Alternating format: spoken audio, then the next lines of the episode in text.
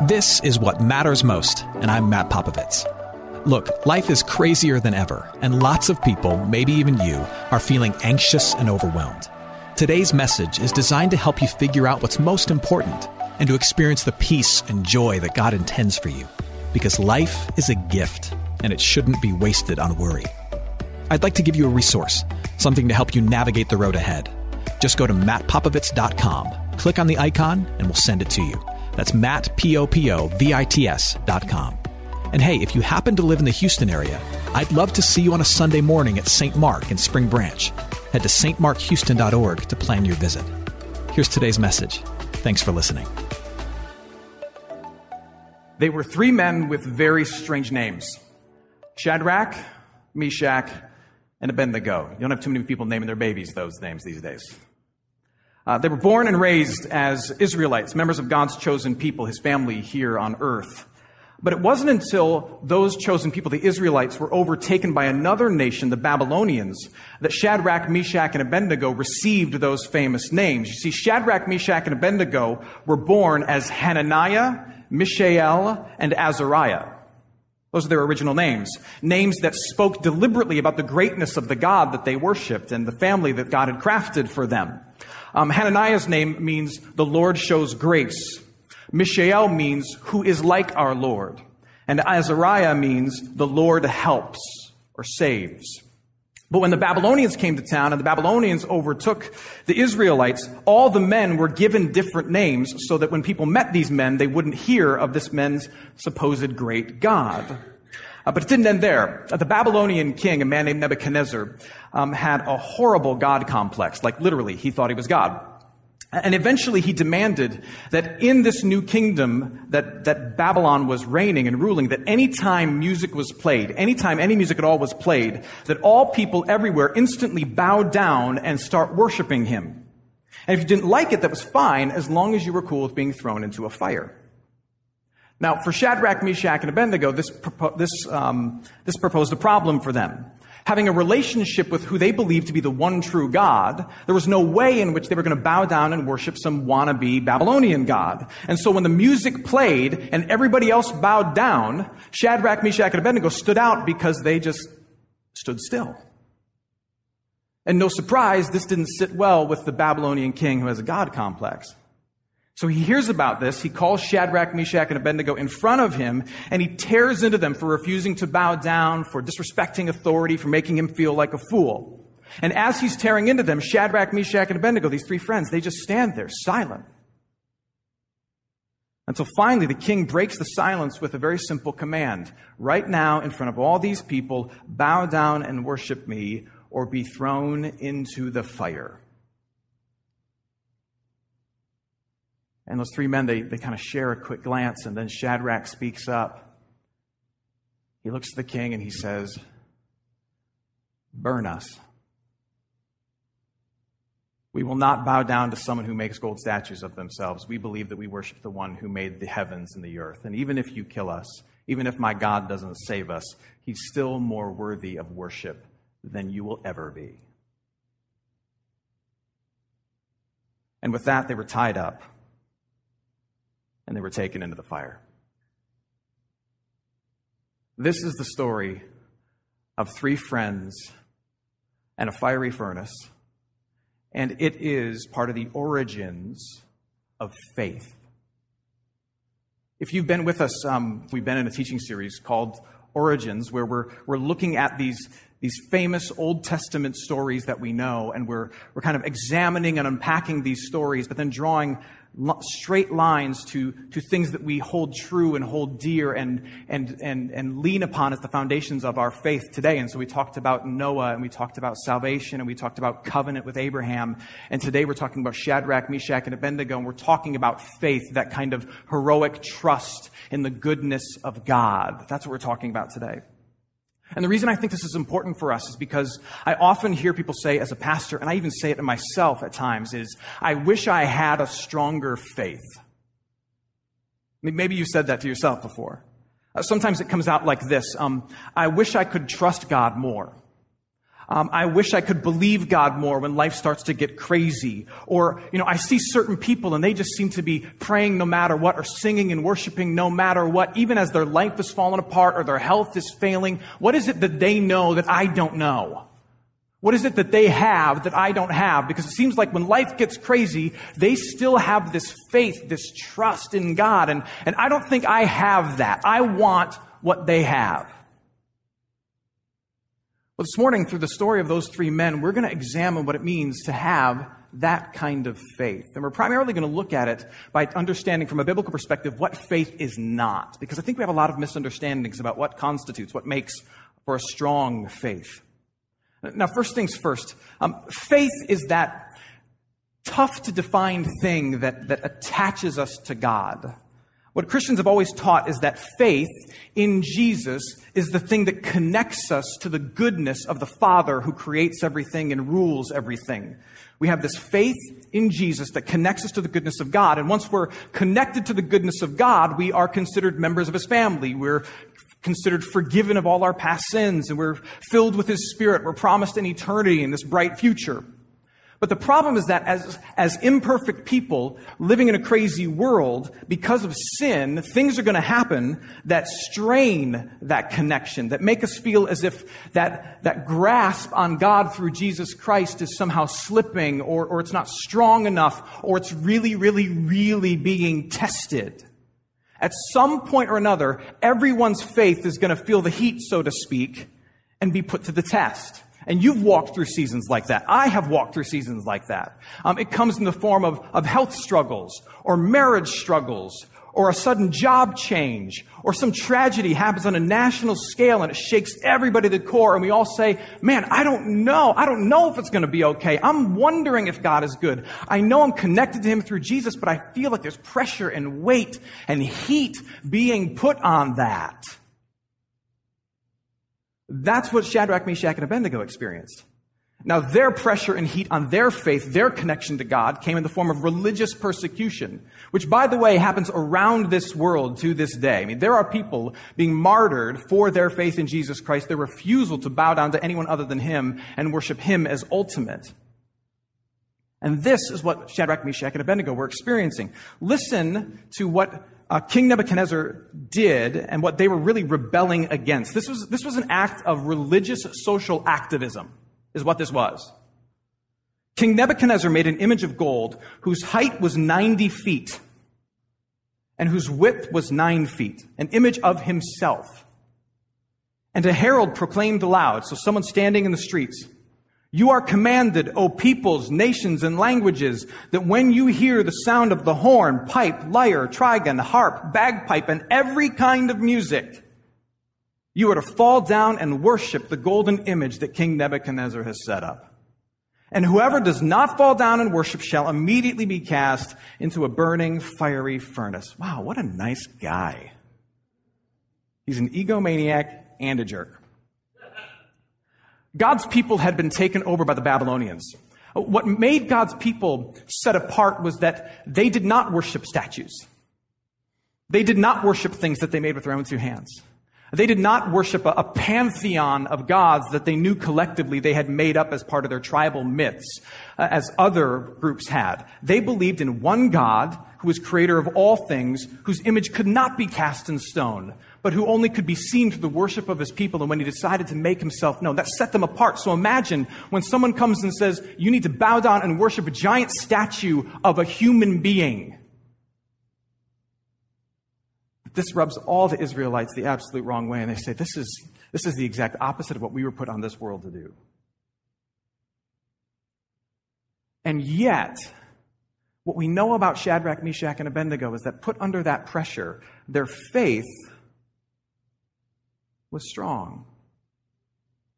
So, what do we need to know about faith to, to kind of say that we could have a strong faith like them too?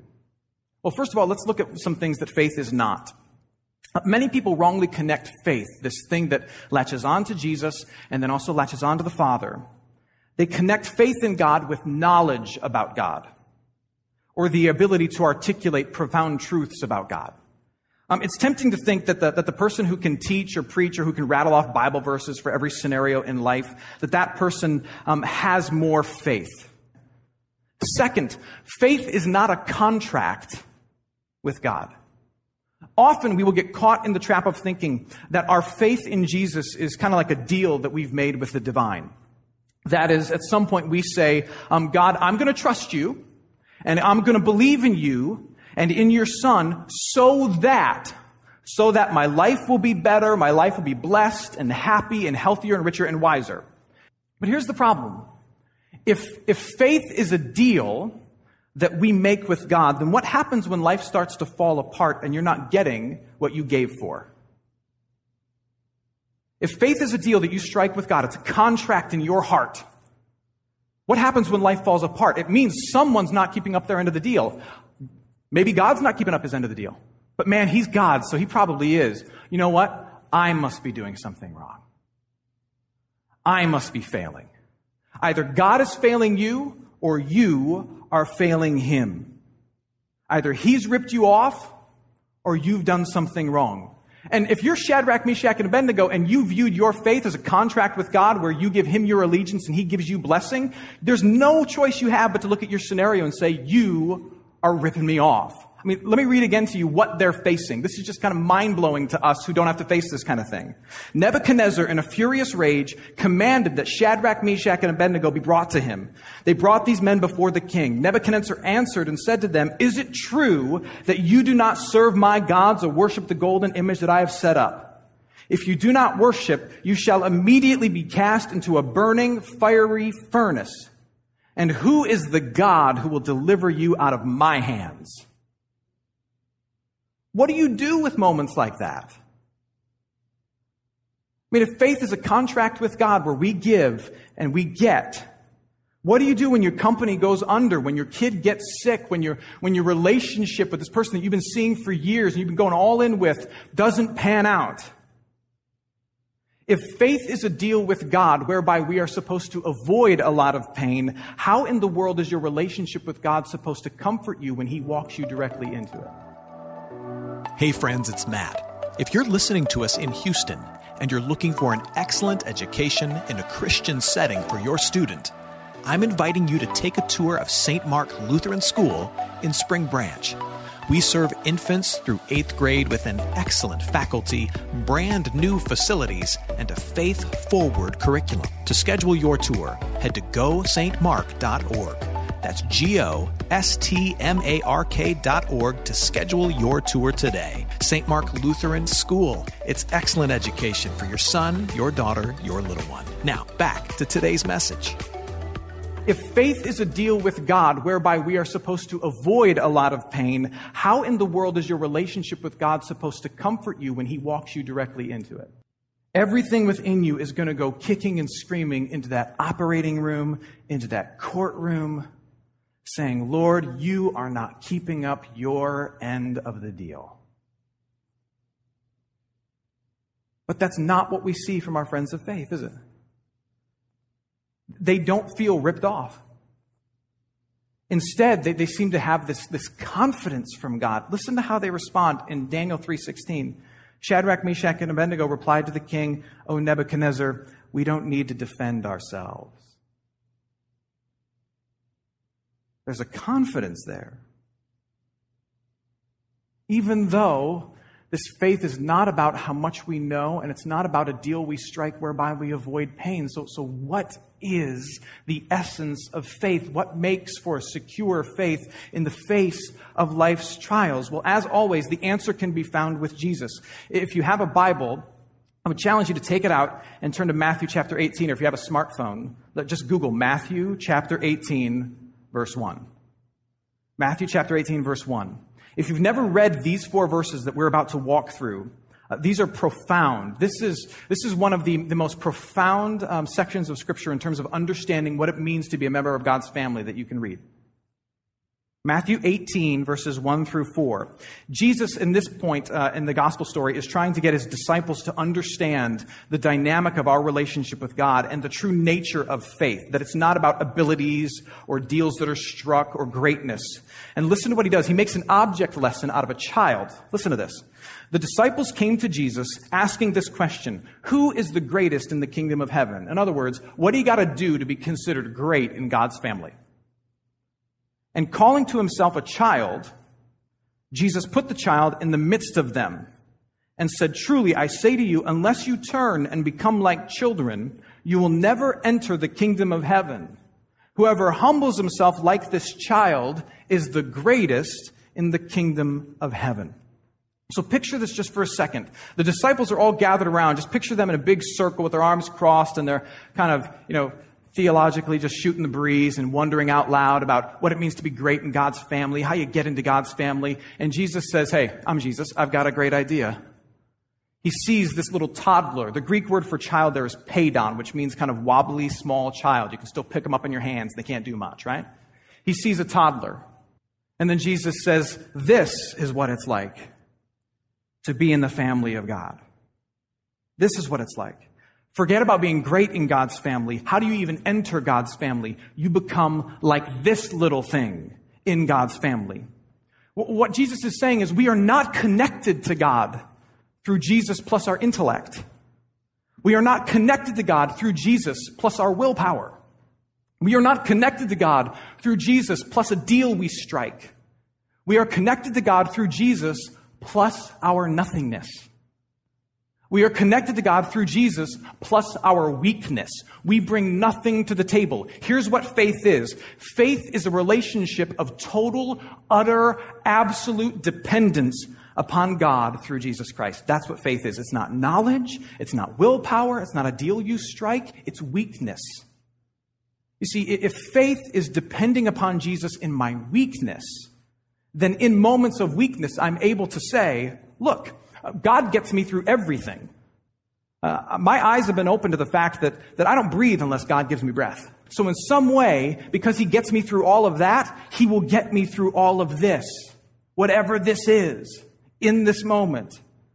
And even if he doesn't, I will still worship him. Why? Because all I have is him. All I have is him. I am totally utterly dependent upon Him. You want to know what the ingredients are for a strong faith? Growing in the understanding of your weakness. That's what allows Shadrach, Meshach, and Abednego to say these words. Even if we're thrown in, our God whom we serve is able to deliver us from the burning fiery furnace, and he will deliver us out of your hand, O king. Now here's the profound statement of faith. But even if he does not, even if he does not. Be it known to you, O king, that we will not serve your gods or worship the golden image that you have set up. I know that my king is able to deliver me from cancer.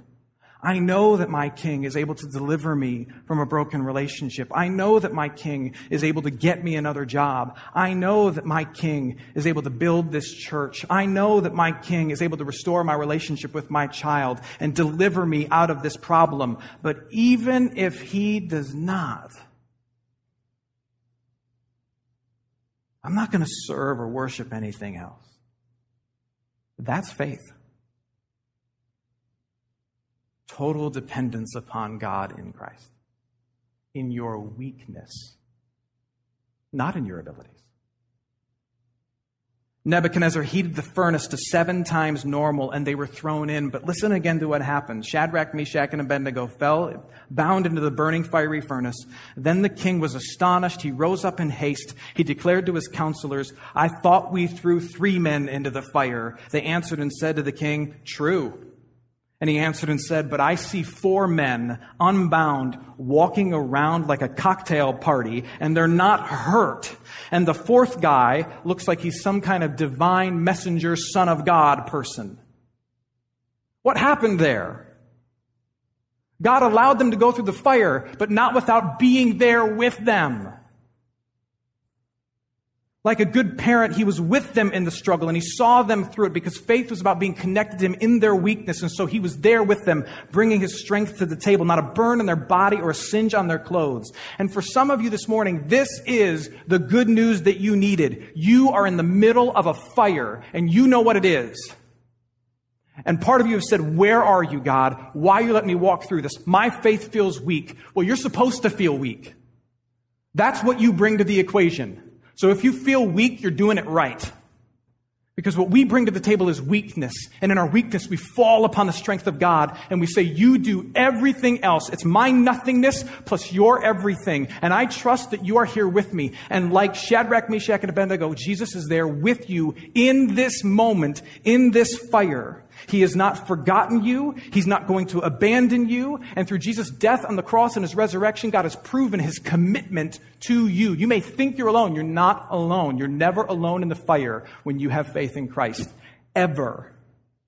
He is standing with you, and He, Jesus, is the guarantee that God is able to deliver you from this furnace. And listen to me, even if He doesn't, He's still good because of everything he's done for you up until that point and what he has guaranteed for you after this point. He's still good.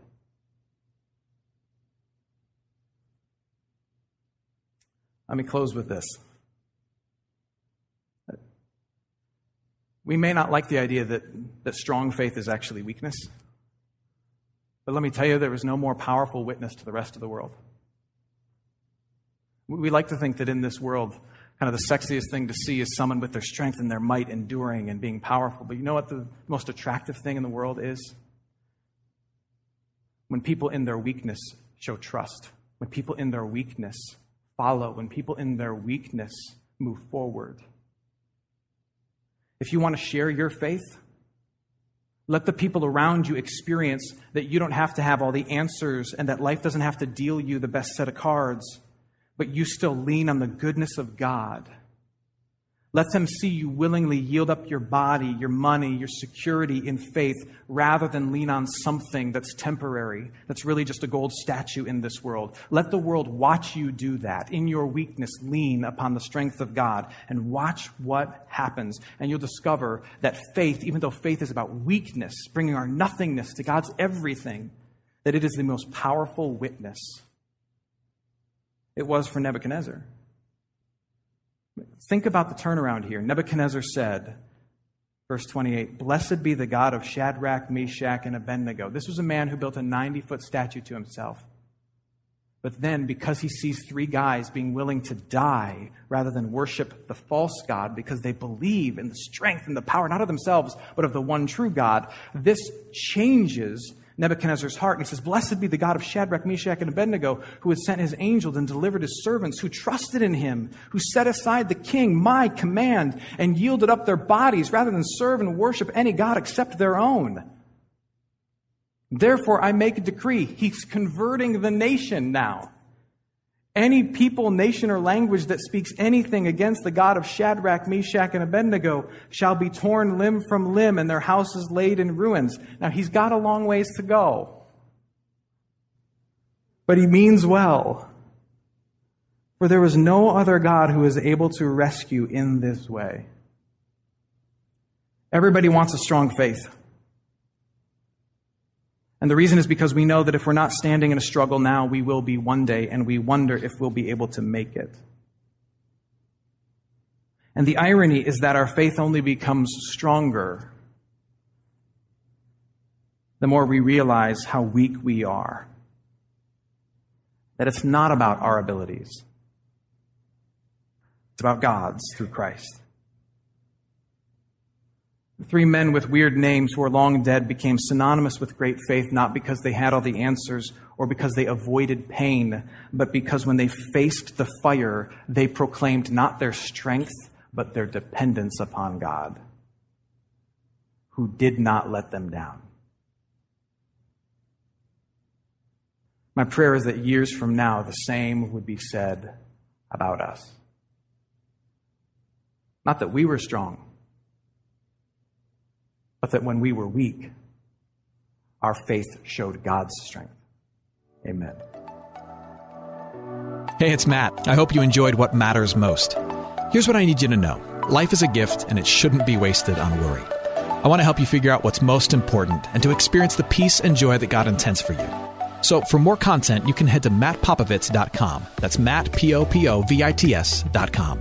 There, you can also support this ministry as well as access your free resource, a little something to help you navigate the road ahead. I'd also love to see you on a Sunday morning. If you're in the Houston area, head to stmarkhouston.org to plan your visit. In the meantime, hit me up on Instagram at mpopovits or at facebook.com slash Matt Ministries. Thanks for listening. Now go and hold tight to what matters most.